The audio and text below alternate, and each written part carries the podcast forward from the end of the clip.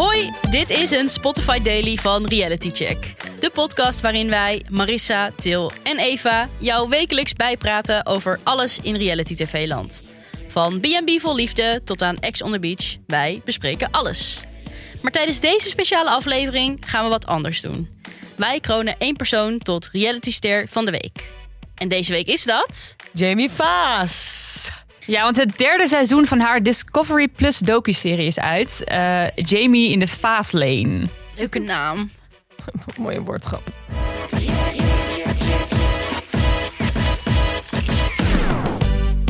Jamie Vaas, voor de mensen die haar niet kennen. Wie is ze?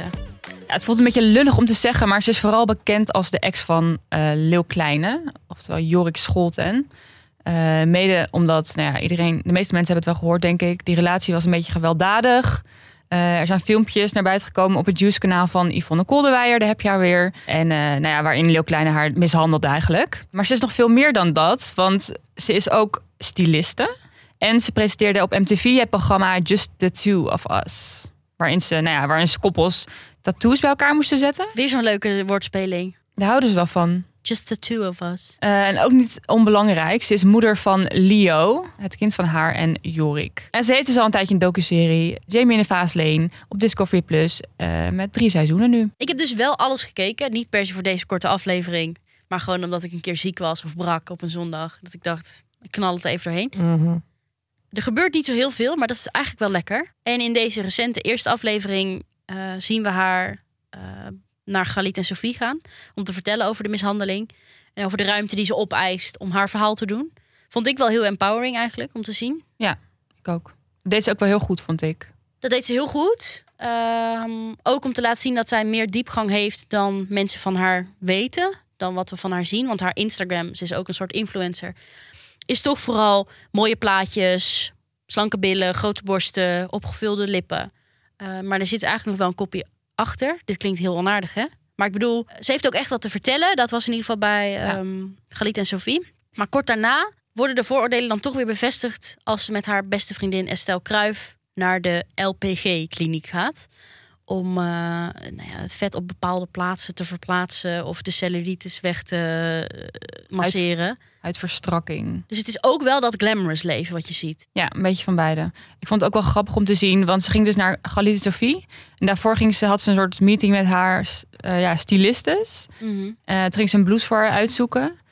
en toen had ze een blouse aan die net iets te bloot was. Dus als ze haar armen te ver omhoog deed, dan kon je haar borsten eventueel zien. Dat was een beetje het dilemma. Ik weet niet of jullie opgevallen was, maar die blouse had ook een soort van, oh, van die romperdingen. Ja, maar dan dus al vanaf je heup, vanaf je ribben. Ja, en normaal als bij een rompertje of bij zo'n zo'n ding, dan ga je ze onder je kruis zo vastknopen. Maar dat, dat, dit hoorde gewoon los. Ik vond het een beetje apart. Ja. In de aflevering, de eerste, bereidt ze zich ook voor op haar verhuizing naar Ibiza. Het eiland waar ze al heel vaak is en komt. Wat is dat toch met Ibiza dat allemaal die mensen erheen verhuizen? Ja, ik denk de sfeer. Um, in die serie heeft het dus af en toe over de gewelddadige relatie die ze met Jorik had. Um, en zegt ze ook dat er continu aan haar intelligentie werd getwijfeld of gespeeld mee werd. Dus dat ze onderschat werd en dat ze de schuld bij haar legde. En dat is dus ook weer zo'n emotionele nou ja, chantage of manipulatie eigenlijk. Waardoor zij best wel gewoon een slimme vrouw ja. Uh, aan zichzelf ging twijfelen. En dus het heel moeilijk vond om hulp te zoeken. Maar in die serie krijg je eigenlijk weinig te zien van hoe het haar emotioneel vergaat. Zouden ze dat expres gedaan hebben? Of? Ja, ik denk dat ze een krachtig beeld van haar willen wegzetten. Dat ze na deze heftige periode gewoon haar leven weer oppakt. En, uh... Ja, maar ik vind het ook een krachtig beeld om te zien dat iemand er ook heel verdrietig van is. En juist emotioneel over is. Want dat is ook normaal. Hoeft dan echt niet helemaal de focus daarop te zijn. Maar, maar goed, de, het is nog maar de eerste aflevering. Wie weet wat er nog gaat komen. Maar uh, Ja. voor mij zit kracht echt niet alleen maar in het doorpakken en verder gaan met je leven. Want als zoiets ingrijpends gebeurt, dan is het ook heel krachtig om daarbij stil te durven staan. En je gewoon even zwaar kut daarover te voelen. Ja, misschien is het ook wel juridisch, hè? Want de Ja, advocaten van. Jamie Ja. en Jorik liggen volgens mij enorm met elkaar in de clinch. Ja. Aflevering 2, die dus vrijdag online Mhm. kwam, als je dit luistert, gisteren. Eh, zie je ook, hoor je ook dat er een contactverbod is tussen Jorik en Jamie. Oh, ja? En dat ze ook geen alimentatie meer hoeft Eh, en volgens mij ook dat zij de voogdij heeft voor dat kindje. Dus ik kan me ook voorstellen dat het om juridische redenen gewoon lastig is om daar iets over te zeggen. Terwijl Jorik wel Leo nog ziet. Nee, ook niet. Nee. Niet? Nee. Oh, ik dacht dat ik laatst iets op zijn Instagram voorbij zag komen. Maar misschien is dat dan een oude foto. Ja. Maar ze vertelde ook dat eh, als zij die advocaat van haar niet gehad had, dat zij dat Jorik haar en Leo dan gewoon op straat had gezet. Gewoon met, al, met dozen en al. Toen dacht ik, Die ook, jongen is echt niet goed. Wat is er met die jongen aan de hand? Maar eh, ja, haar overkomt zoveel. En dan naast al deze emotionele heftige shit... eh, leidt ze dus ook een eh, best wel glamorous leven... waar we een inkijkje in hebben. Mhm. Dus in de kleren die ze past en eh, etentjes en allemaal dat soort dingen. Ehm, en we zien de stappen naar haar DJ-carrière. Ja, ook weer een beetje typisch. Eh, al die BN'ers gaan willen ook DJ worden. Eh, en een goede vriendin van haar die gaat haar dat dan leren.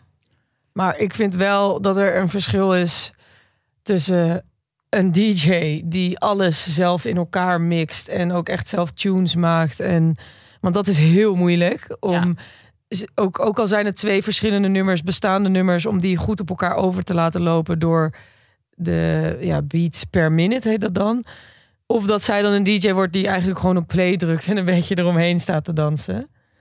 Ja, ze zat wel goed aan die knopjes te draaien, zeg Ja? ik al. Maar ik heb dus geen verstand ervan. Dus ik heb geen idee hoe moeilijk dat is. En wat ze dan doet met die knopjes. Maar dat is bij DJ's altijd een beetje zo. Dan Ja. zit ze een beetje te draaien, maar eigenlijk doet het niet veel. Misschien kunnen we daar ook on, dat ook onderdeel maken van onze fieldtrip.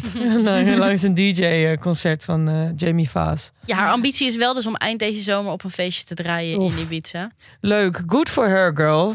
You do you. Als dit goed voor je voelt. Ja, ik denk Eh, eh, schouders eronder Ja, ja, ja. en eh, vooruit met de geit. Precies. Hartstikke lekker bezig. Als je het maar niet wegstopt. Eh, Nee.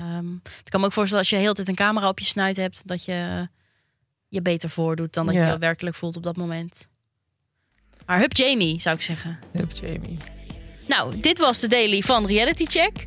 Iedere donderdag zijn we er weer met een reguliere aflevering. En daarin bespreken we op dit moment Temptation Island... en al het andere wat we zien langskomen in reality tv-land. Eh, vind je Temptation nou niks? Wacht dan tot 11 juli, want dan zijn we er dagelijks... met een recap van B&B Vol Liefde. Doei! Doei! Tabé.